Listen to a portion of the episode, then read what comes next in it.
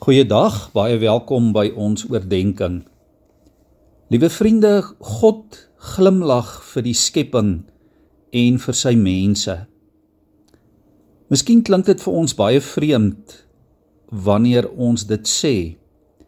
Maar iemand het eendag die lewe van 'n Christen wat bid beskryf as 'n lewe onder die glimlag van God. Dit kan 'n mens nogal laat wonder of God regtig kan en sal glimlag. En wanneer dit dan sal gebeur.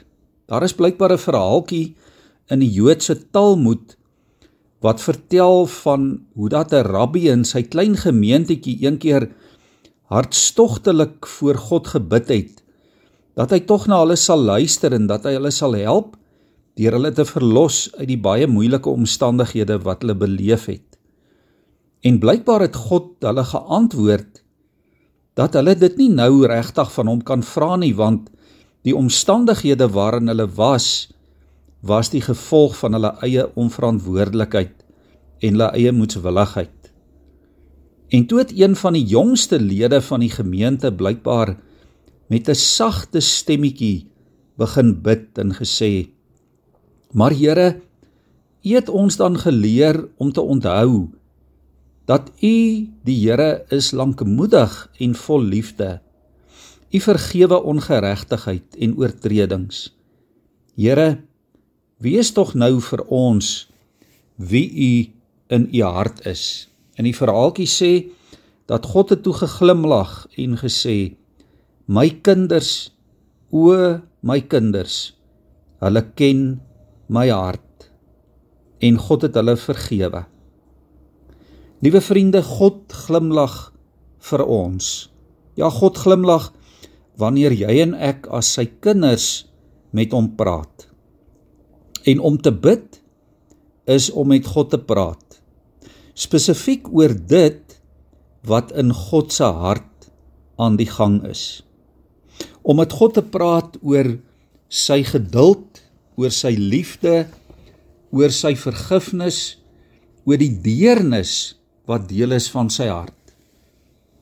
Wanneer ons in gebed met God praat, is ons besig om God te aanbid vir wie en wat hy self is. En ons kan dit nie doen sonder die krag van die Heilige Gees nie. Die Heilige Gees help ons daarmee ook om God se hart te ken en om hom te aanbid vir wie hy in sy hart is. En wanneer jy en ek so bid, dan glimlag God. Dan sê hy ook vir jou en vir my: My kinders, o my kinders, julle ken my hart. In Johannes 4 vers 19 tot 26 lees ons: God is gees en die wat hom aanbid, moet hom deur die gees en in waarheid aanbid. Ja, God se hart is vol liefde vol deernis, vol vergifnis, vol omgee, vol genade. En as jy en ek in ons gebedslewe konsentreer juis op die deernis en liefde en genade en vergifnis en omgee van God, konsentreer op dit wat in God se hart is, dan glimlag God oor ons. Kom ons buig in gebed voor die Here. Here vandag weet ons en ons bely dit ook. En Here, u woord leer vir ons dat u 'n God is wat ryk is aan barmhartigheid. Ja Here, dat u ons baie liefhet.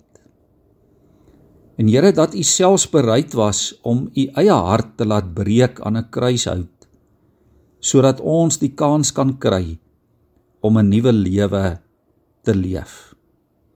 Here, u hart is vol genade.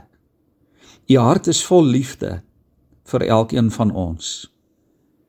En Here, as ons dan bid en ons fokus in ons gebede op u liefde en op u genade.